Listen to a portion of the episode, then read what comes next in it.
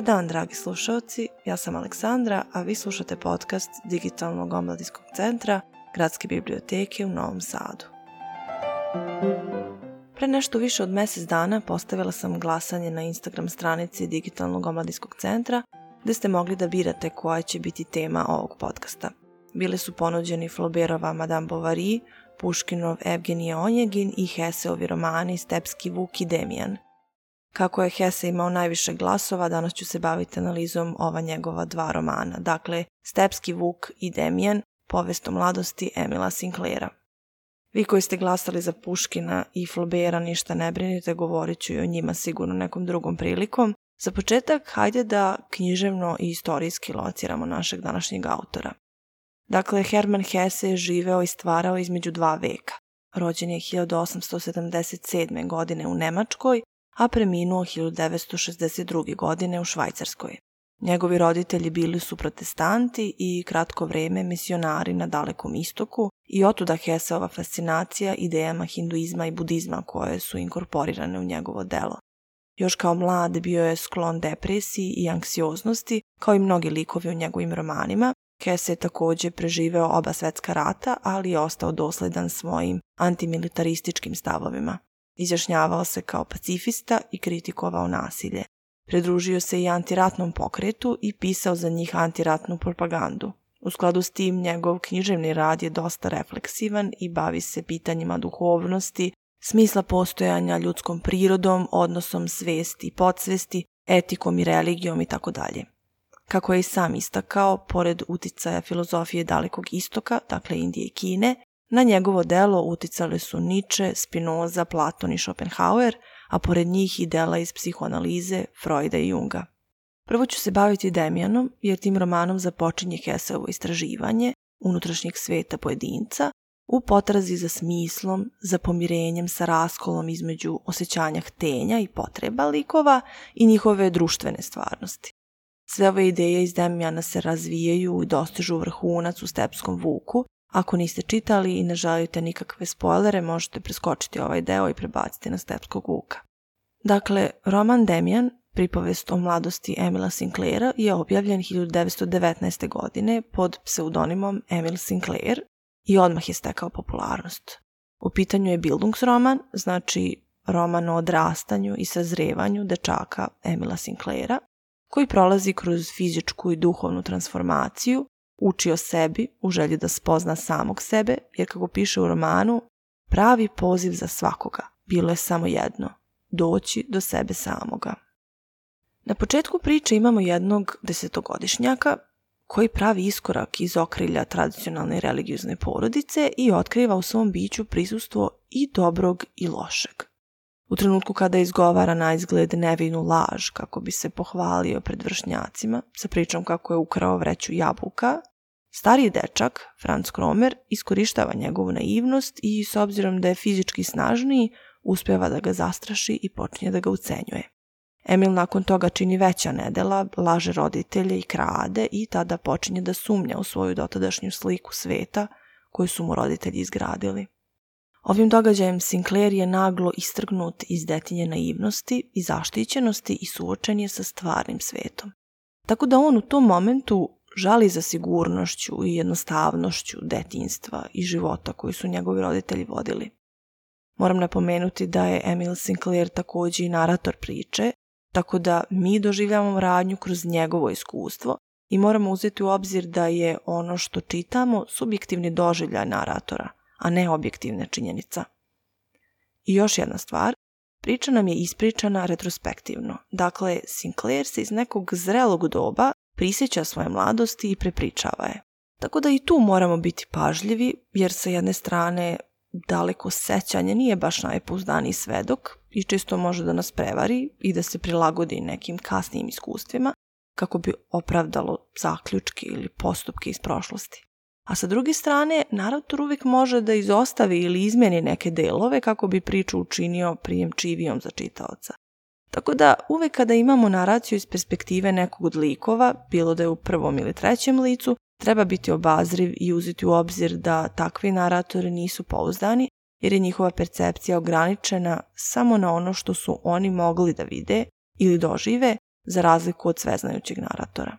Dakle, Sinclair u toj za njega velikoj duhovnoj prekretnici, u momentu kada osjeća kako se udalji od roditelja i ne može više da im se spoveri, i kada se njegova dotadašnja percepcija stvarnosti urušava i on je na korak od toga da se zaputi stramputicom kojom ga je polako ali sigurno vodio Kromer, upoznaje Demijana, novog misterioznog dečaka u školi koji ga fascinira svojim tumačenjem biblijske priče o Kainu i Javelju. Takvo tumačenje Sinclair nije mogao čuti u svom religiozno-hrišćanskom okruženju I zbog ličnih sumnji koje je počeo da gaji, Demjanove ideje su pronašle plodno tlo i fascinirale su ga, jer su pružale jedan odvažan i potpuno drugačiji pogled na svet. Isto tako time što je Demjan izabrao baš njega da mu ispriča tu priču, izdvojio je Sinclaira od ostalih i time ga označio kao jedinstvenog, posebnog, nekoga ko je dostojan znanja koje nije svima dato, što ih je onda zbližilo i zbog čega su se sad osjećali kao sami ispred svih, jer oni su sad dublje od ostalih razumevali svet i kritički se odnosili prema vladajućim idejama etike i religioznosti. U početku kada se uverio u to da je njegova priroda dvojna, da u sebi posjeduje i dobre i loše strane, Sinclairu su hrišćanska načela po kojima su živjeli njegovi roditelji delovala nepotpuno i neiskreno i u svakom slučaju nešto sa čim on ne može da se složi a kada je Demian rešio njegov problem sa Kromerom i Kromer ga ostavio na miru, on je pored fascinacije Demijanom, koja je zbog ovoga dodatno porasla, takođe i osjećao zahvalnost, što ih je onda još više zbližilo, iako Sinclair ističe da nije bio dovoljno zahvalan. I kada sve ove događaje tako činjenično navedem, bez upliva naratorovih komentara, ne mogu da se otrgnem pomisli kako je Sinclair strašno izmanipulisan – jer je bio mlad, naivan, podložan uticaju i nekako sve ovo je išlo u Demjanovu korist. Možda je u pitanju samo moja paranoja, jer nisam naišla na slična tumačenja, tako da se neću zadržavati na tome. Demjanova priča o Kainu Javelju navodi Sinclaira da razmišlja izvan okvira poznatog i prihvaćenog. Biblijska priča se u hrišćanskom ključu tumači kao prva priča o ljubomori, o zavisti i bratoubistvu. Dakle, Kain je bio zemljoradnik i Bogu je na žrtvu prineo plodove svoga rada, dok je Avelj bio pastir pa je na žrtvu prineo najbolje iz svog stada. Bogu se svidela Aveljeva žrtva, dok je Kainovu odbacio. Zbog toga je Kain bio ljubomoran na brata, pa ga je ubio, nakon čega je izgran.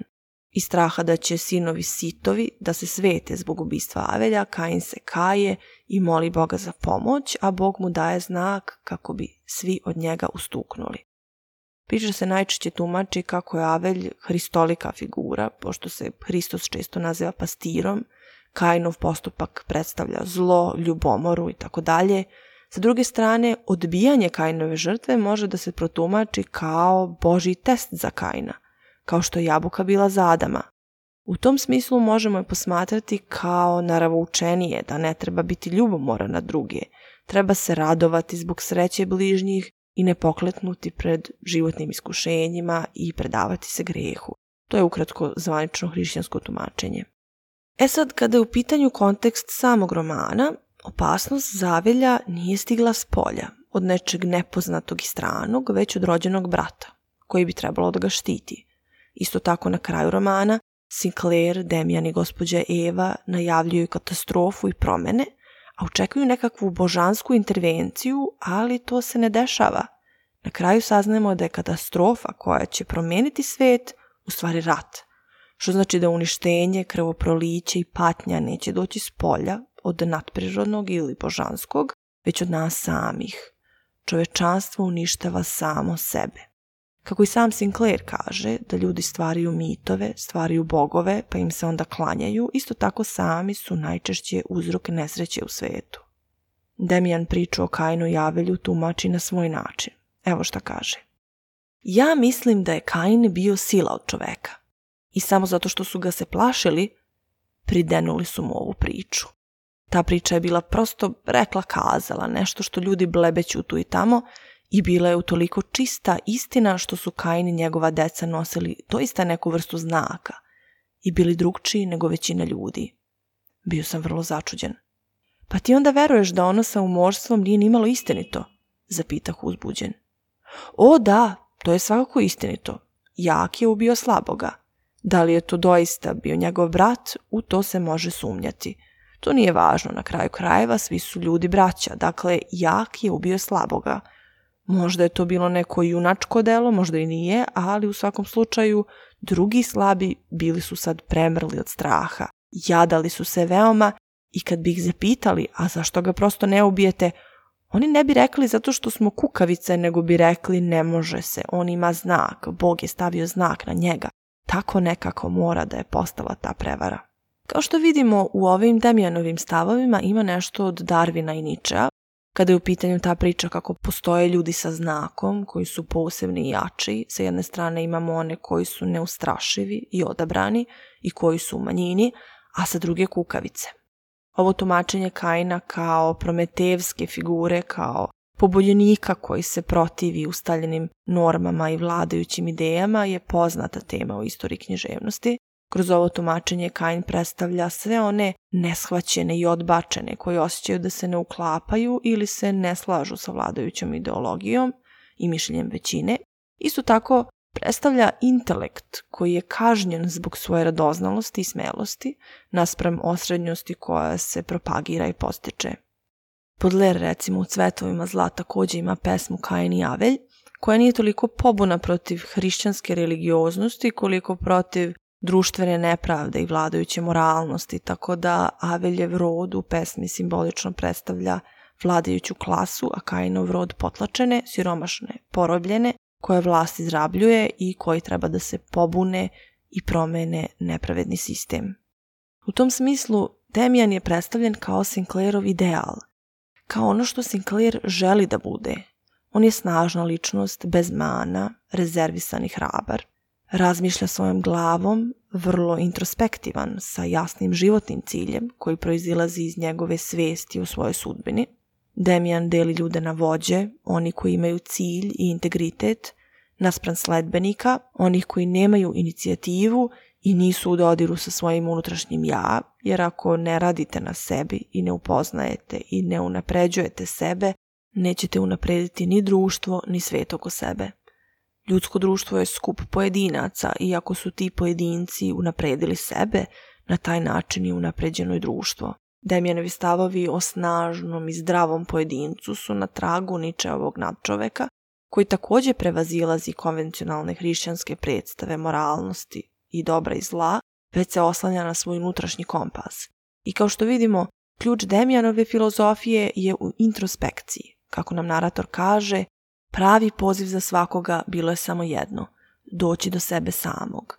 Njegova stvar je bila da iznađe svoju vlastitu sudbinu, a ne makar kakvu, i da je u sebi proživi, potpunu i nesalomljenu.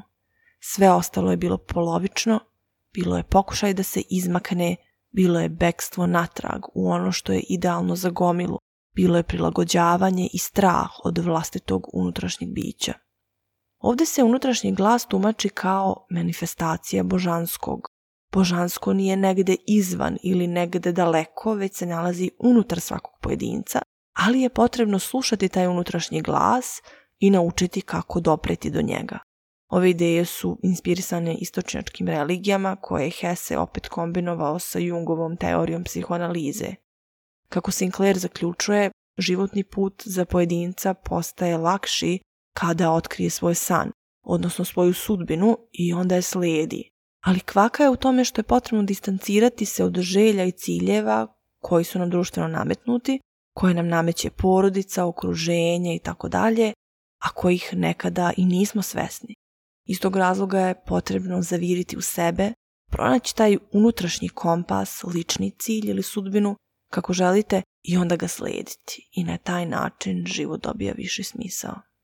Ako tumačimo roman u ključu psihoanalize, Demijana možemo shvatiti kao Sinclairov alter ego, ono što Sinclair želi da bude i nekakav ideal kojem teži.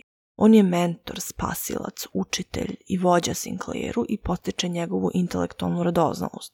U skladu s tim Demijan se pojavljuje u ključnim trenucima da ga spase kada se Sinclairov životni put račva na samom početku kada je Sinclair u opasnosti da uz Kromera krene putem kriminala, isto tako kasnije kada se odaje piću, misao o Demijanu ga vraća na pravi put jer shvata da ga devojka koju slika i koja mu se pojavila u snovima podsjeća na Demijana.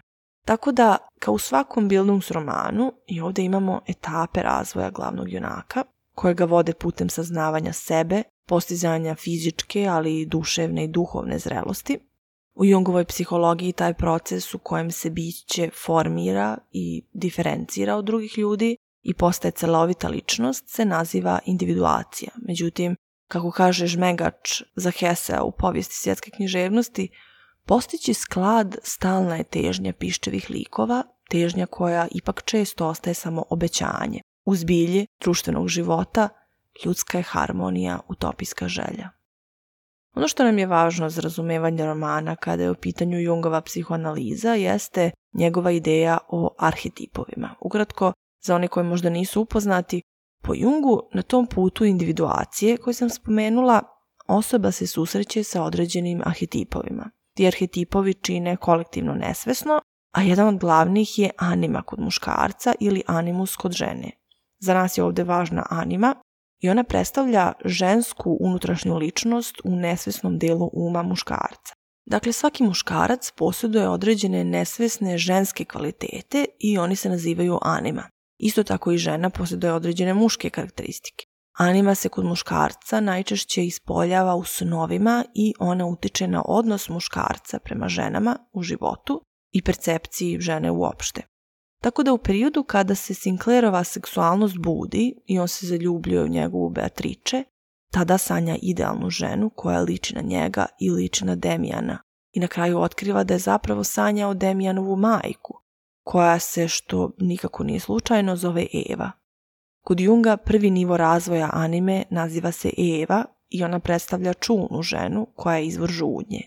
Zato je interesantno to što Samo Sinclair dobija dozvolu da zove Demjanovu majku gospođa Eva.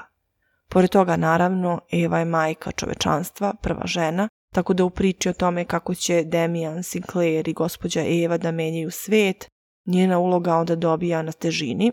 Sinclair je također doživljava kao, kako kaže u romanu, mati svih bića, predstavljena je kao bezvremena, dostojanstvena, prelepa, mudra, puna razumevanja, Zato je interesantno da i pored ljubavi i žudnje ima nešto i od Edipovog kompleksa u Sinclairovoj fascinaciji gospođom Evom. Isto tako u književnosti su se žene dugo delile na Eve i Device Marije, dakle na grešnice, otpadnice i sa druge strane na svetice.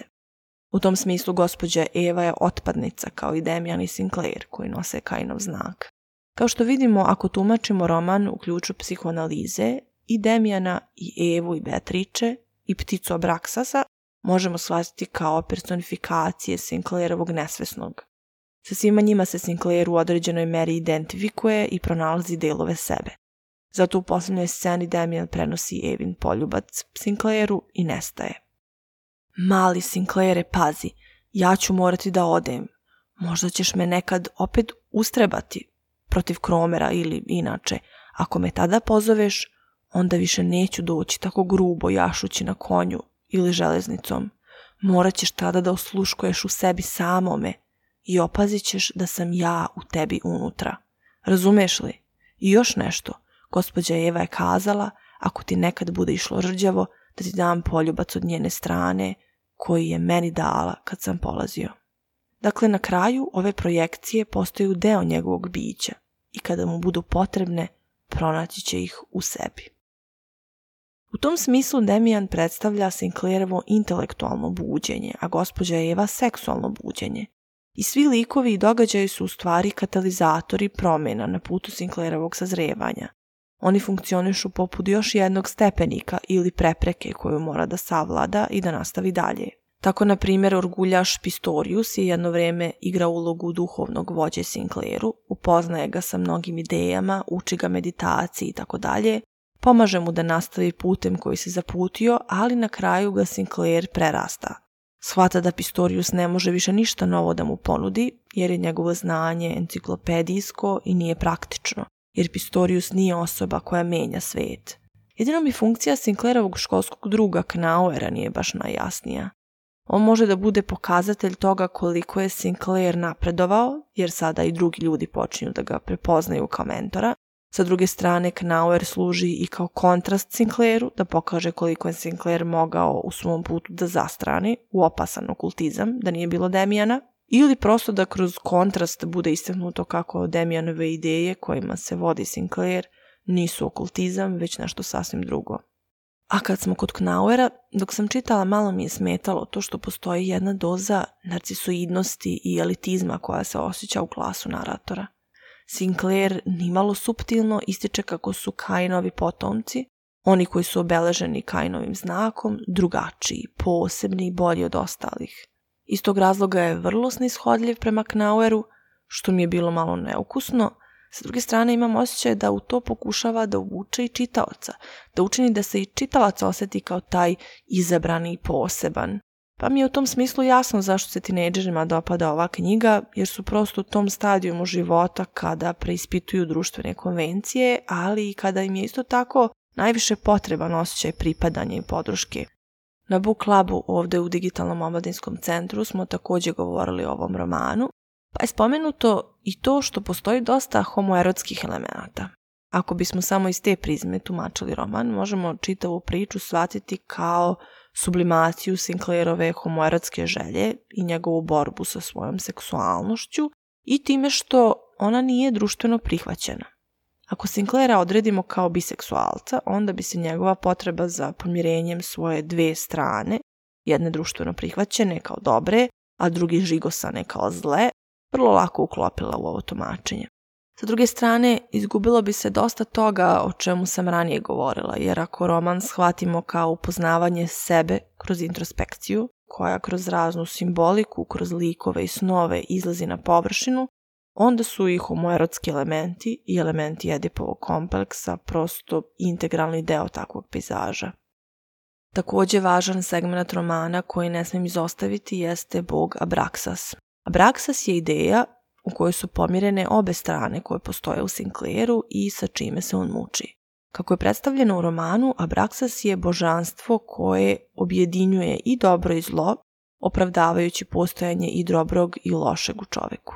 U antičko vreme to je recimo bio dionizijski princip koji je objašnjavao da su haos, destrukcija kao i zlo sastavni deo ljudske duše. Istorijski se Abraxas javlja u gnosticizmu i označava Boga. Kasnije se pojavljaju u nekim magijskim i ezoterijskim tekstovima, spominje se i u egipatskim religijskim tekstovima kao bog i kao demon, a u hrišćanstvu je proglašen demonom. Na pismu koje Sinclair pronalazi piše Ptica se probija iz jajeta, jaje je svet, ko hoće da bude rođen mora da razori jedan svet. Ptica leti ka Bogu, Bog se zove Abraksas. Ova slika ptice koja se probija iz jajeta je vrlo interesantna. Ptica u književnosti najčešće simboliše duh ili dušu i naravno slobodu. Let ptice možemo tumačiti kao vezu između zemlje i neba, tako da ptica ovde može predstavljati simbol hrabrosti i slobode duha. Jaje, kako kaže Demijan, predstavlja svet, a motiv razorenog sveta predstavlja veliku promenu koja je anticipirana kroz čitav roman, a ta promena je Prvi svetski rat.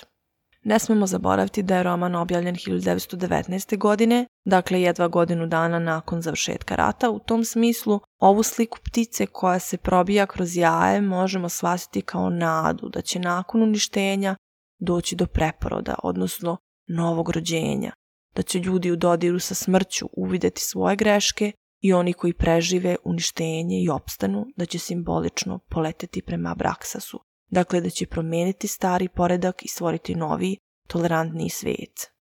Svet hoće da se obnovi, miriše na smrt, ništa novo ne dolazi bez smrti. To je strašnije nego što sam zamišljao. Na istoj liniji je i osjećanje pred kraj romana, kada Sinclair kaže I koliko god je izgledalo da je svetu neumitnije stalo do rata, junaštva, do časti i drugih starih ideala, i što god je udaljenije i neverovatnije zvonio svaki glas prividne čovečnosti, sve to bila samo površina. Isto tako kao što je površina bila i pitanje spoljnih i političkih ciljeva rata. U dubini je nešto bilo u postajanju, nešto kao neka nova čovečnost.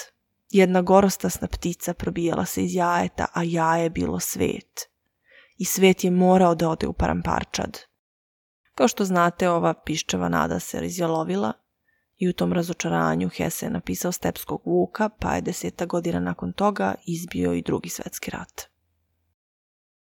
Roman Stepski vuk objavljen je 1927. godine i kao i roman Demijan, bavi se samospoznajom i duhovnošću, ali je ovoga puta u pitanju zreo čovek koji proživljava krizu srednjih godina.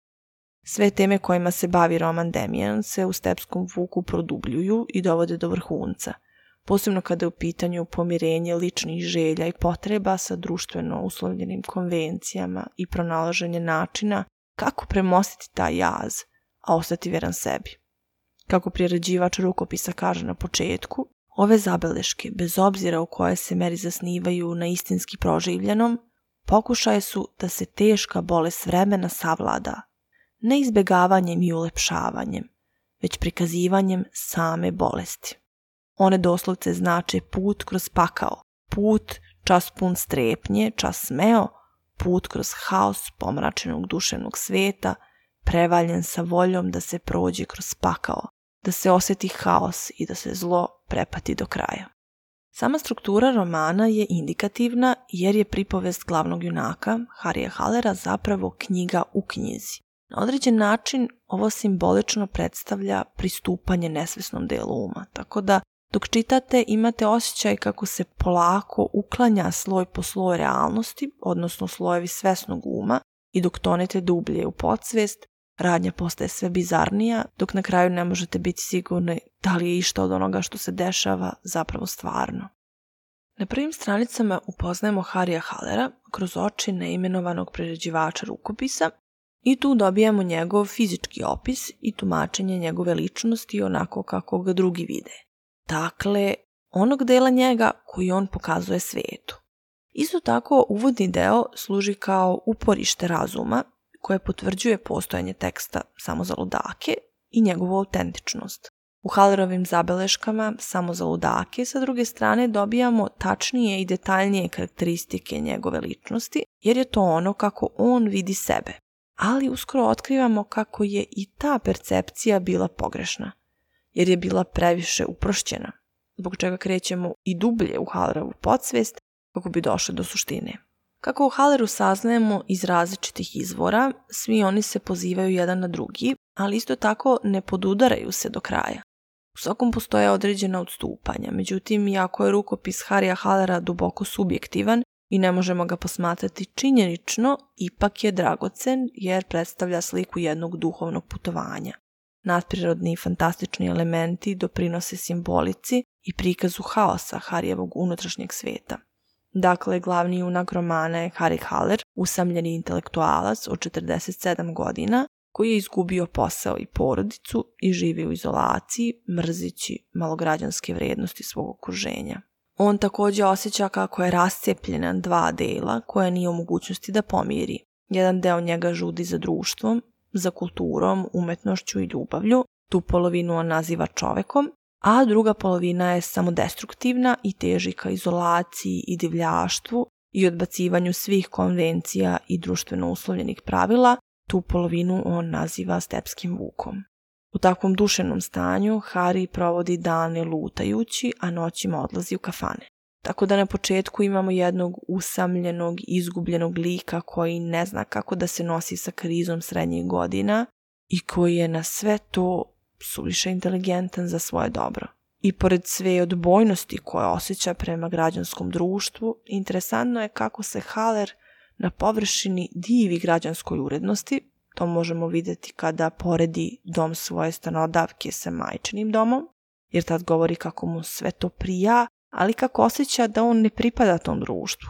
Ova jaz nastaje zato što, kako i priređivač rukopisa na početku kaže, jer su ga vaspitali nežni, ali strogi i veoma pobožni roditelji, čije je vaspitanje počivalo na osnovi slomiti volju.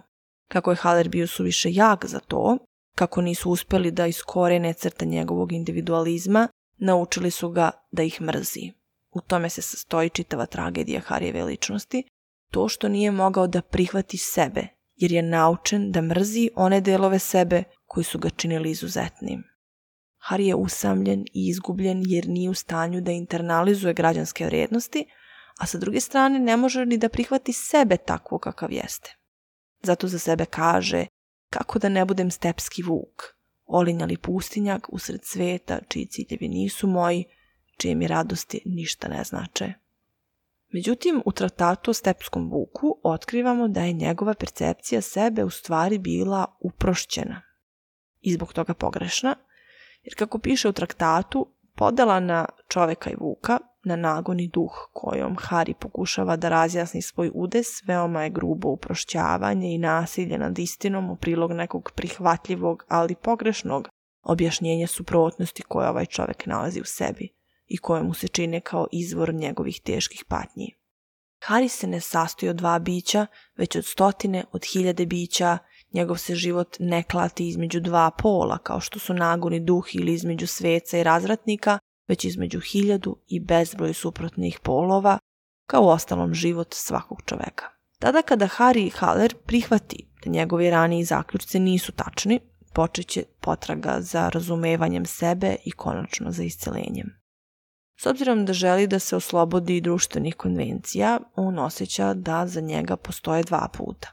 Ili da se posveti duhovnom uzdizanju i postane nekakav svetac genije, ili da se oda porodcima i bludu i na taj način raskrsti sa svetom.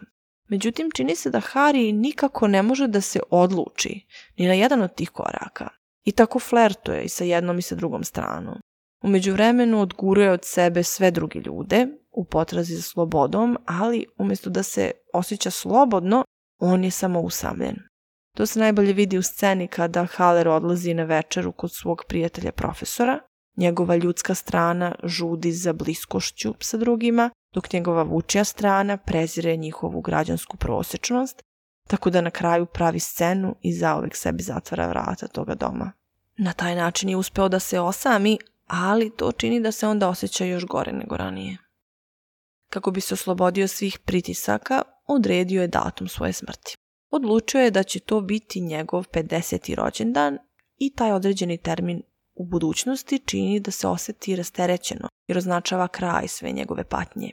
S druge strane, kada se nađe u teškom psihičkom stanju i oseti da više ne može izdržati, pomisao na smrt ga užasno plaši. Upoznavanje Hermine je bitna prekretnica u Harlerovom životu jer ga ona smiruje. Hermina je njegova suprotnost koja ga u isto vreme dopunjuje. Na samom početku ona mu deluje poznato, podsjeća ga na njegovu majku, i njeno zadirkivanje mu stavlja do znanja da ne treba shvatiti život tako ozbiljno. Ona ga upozorava da, predajući se malodušnosti i beznađu, nikada nije naučio da pleše. Toliko drugačija od svih, ona onda inicira promene u Hariju. Moram priznati da je meni Hermina tipični primer filmskog tropa Manic Pixie Dream Girl. Ne znam da li postoji prevod na srpski ovog termina, U svakom slučaju radi se o izuzetno zanimljivoj devojci koja uopšte nije kao druge devojke, misteriozna je i egzotična i njena jedina funkcija je da prodrma i promeni muškog protagonistu. Potpuno je prikazana iz muške perspektive, dakle prelepa je, privlačna, deluje nedostižno, ali ipak joj pažnju zaokuplja baš glavni lik, iako je on najčešće prosečan i nezanimljiv. I time što bira baš njega, ona svojim prisustvom unosi promene u njegov nesrećan i usamljen život.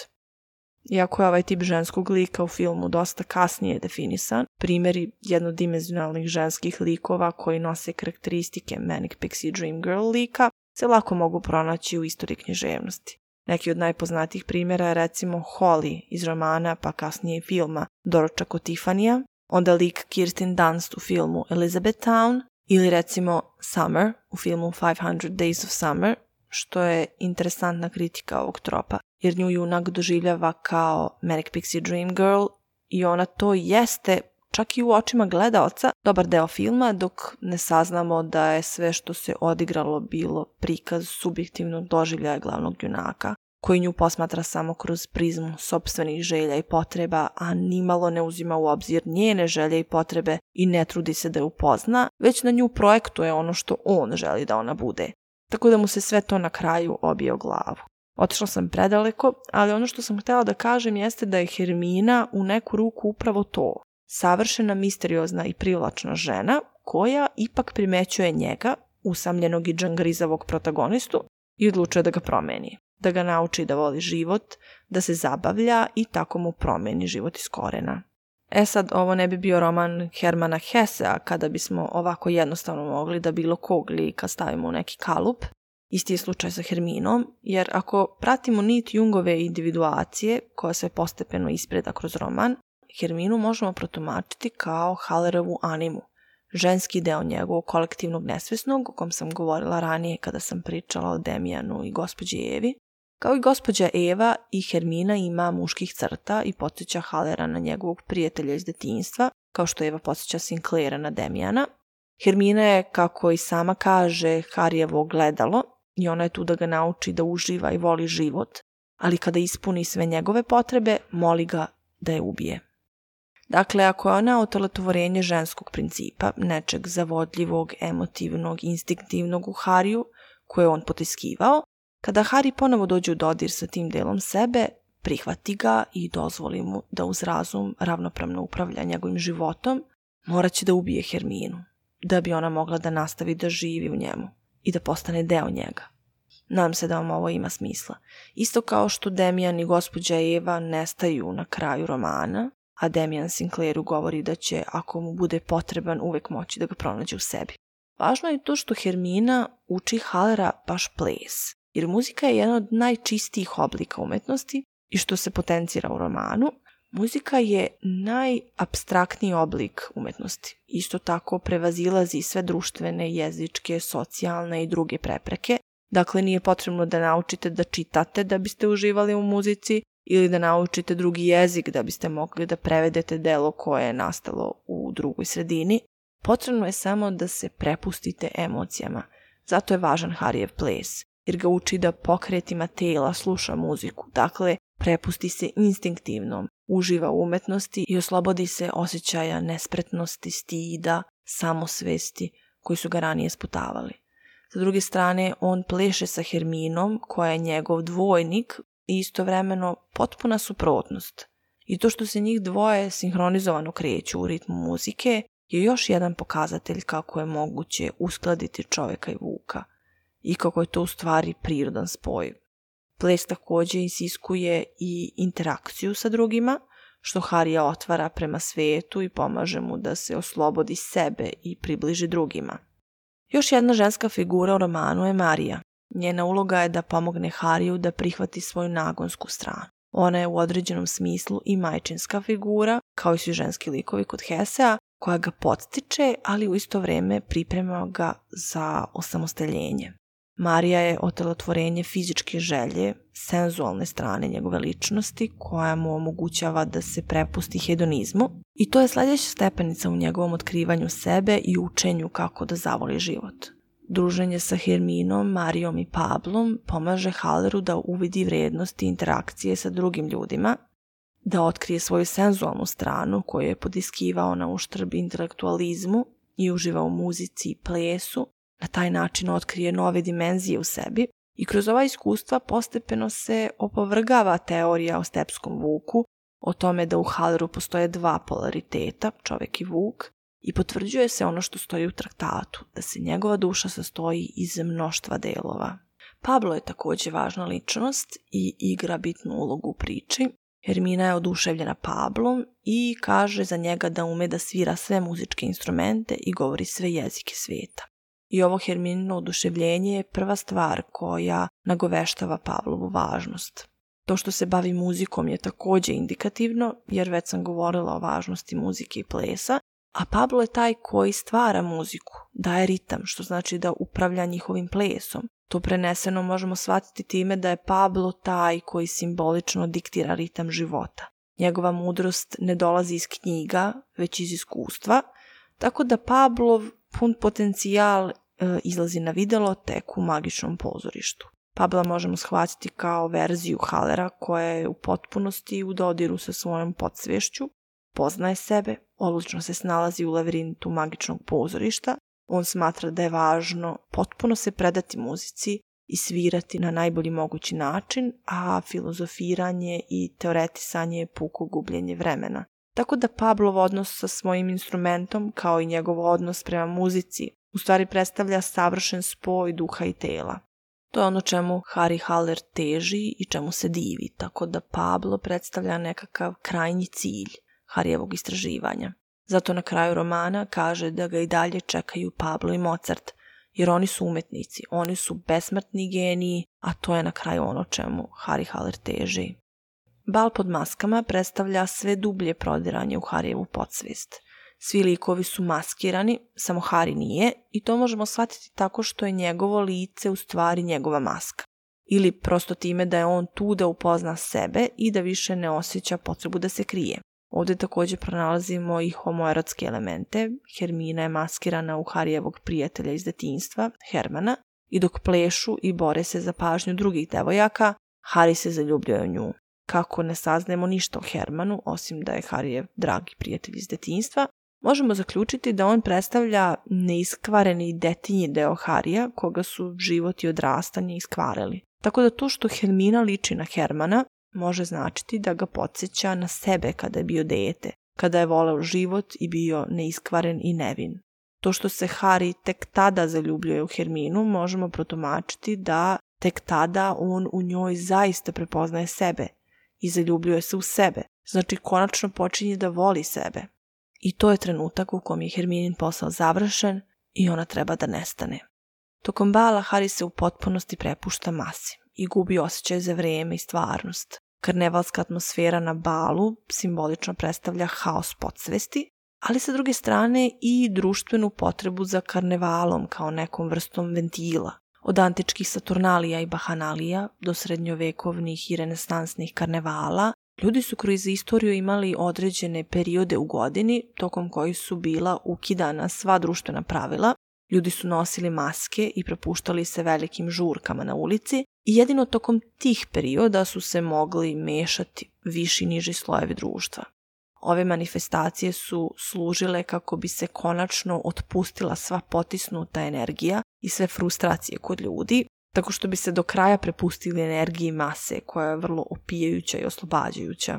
Taj osjećaj jedinstva sa masom, potpuno podiskivanje želje i potrebe pojedinca, koji postaje jedno sa ruljom, to je vrlo moćan osjećaj, ali može biti i vrlo opasan. Recimo Zola je interesantno opisao psihologiju mase u svom romanu Žerminal – Ako niste čitali roman, obavezno ga pročitajte. Ovaj osjećaj može da osnaži, ali isto tako poništava osjećaj individualne krivice, što je oslobađajuće, ali može biti i jako strašno ukoliko se sa tom masom manipuliše. U ovoj sceni kod Hesea, u kom dominira muzika i igra, u kom se glavni junak prepušta masi kao i na karnevalu – služi upravo tome da se Hari oslobodi samosvesti koja ga toliko opterećuje i da se rastopi u mnoštvu. Pitam se koji događaj danas igraju tu ulogu karnevala, pretpostavljam veliki koncerti i festivali, mada ni to nije isto, jer iz raznih razloga, bilo materijalnih ili nekih drugih, mnogim ljudima ni to nije dostupno. Na kraju, Pablo ga konačno odvodi u magično pozorište, koje predstavlja najdublje slojeve Harijeve podsvesti. Kako je rečeno, ulaznica u pozorište je razum. Dakle, Harry mora u potpunosti da se odrekne racionalnog dela svoga uma i prepusti se nagonskom i podsvesnom. Pablo Goli Hariju daje magično pozorište u stvari škola humora. Ovde se nalazite u školi humora, treba da naučite da se smejete, a početak svakog višeg humora je da čovek više ne shvata ozbiljno svoju sobstvenu ličnost, Dakle, ovde nastavljamo sa karnevalizacijom jer je vama važan element karnevala smeh, koji je u tom smislu vrlo specifičan. Evo šta Mihajl Bahtin kaže o smehu. Smeh ima duboko značenje pogleda na svet, on je jedan od najbitnijih oblika istine o svetu, u njegovoj sveukupnosti, o istoriji, o čoveku. On je posebno univerzalno gledanje na svet, koje vidi svet drugčije, ali ne manje, ako ne i više bitno, na ozbiljnost.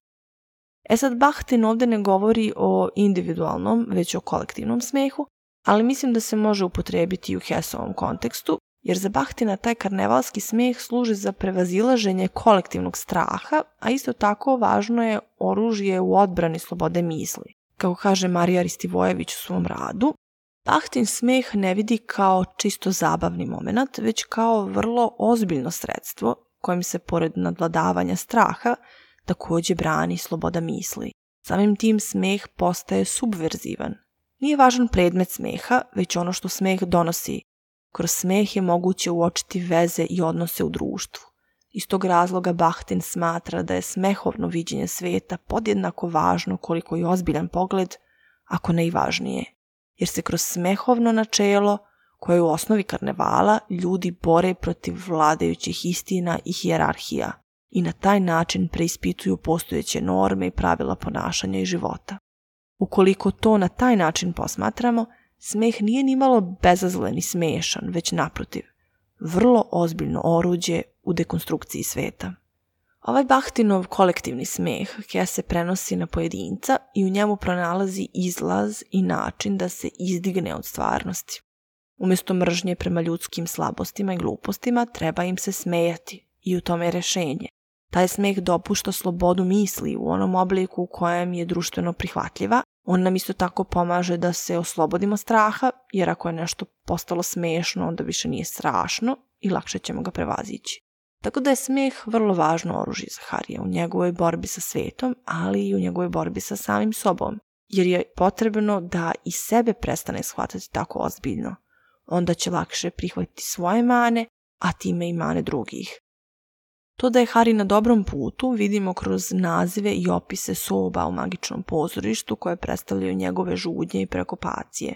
Tu vidimo da se Harry već kroz svoj rukopis smeje sebi i svojim slabostima. Kao na primjer, Kama Sutra, učenje indijskih ljubavnih veština, kurs za početnike, 42 razne metode ljubavnih vežbi. Ili, samoubistvo puno uživanja, umrećeš od smeha. Ili moj omiljeni, pustinjačke igre, potpuna zamena za svaku društvenost. Ili recimo scena sa Mozartom koji se u Rimi ruga Harjevoj ozbiljnosti. Šta je mališa moj hvališa, jetra te žiga, oko ti miga, kolje te briga, i tako dalje. Mozart govori Hariju da shvata život previše ozbiljno i da mora naučiti da se smeje. Time što su umetnici i stvaraoci, oni su besmrtni, sa svojom umetnošću oni prevazilaze ljudski život i zbog toga mogu da se smeju životnim nedaćama. Iako je Hariju teško da se promeni i da prihvati ove savete, na kraju romana ipak je optimističan. Spreman je da živi, da se uhvati u koštac sa svim svojim manama, da nauči da kontroliše na hiljade ličnosti koje postoje u njemu, da nauči da se smeje i postane besmrtan. Završila bih priču o stepskom vuku jednom rečenicom Mareja Stajna. Čovjek je isto toliko rob svog karaktera i unutrašnjih demona koliko i spoljašnjih autoriteta. Često se to ne svati sve do druge polovine života, kada nam obično sine da je čovek sam sebi najgori neprijatelj, najoštriji kritičar i najstrožiji u postavljanju zadataka sam sebi. Dragi slušalci, nadam se da vam je bila interesantna današnja tema. Ovaj podcast se prilično odužio, svaka čast svima koji su izdržali do kraja. Mene moram priznati prilično iscrpila ova analiza, nisam sigurna da li sam uspela da na najbolji način povežem sve i lepo objasnim. Keseva dela su vrlo slojevita, bogata simbolikom, ali sve u svemu prijao mi je ovaj povratak njegovim delima. Hvala vam na pažnji i čujemo se ponovo sa nekom novom temom iz književnosti, a do tada uživajte u čitanju.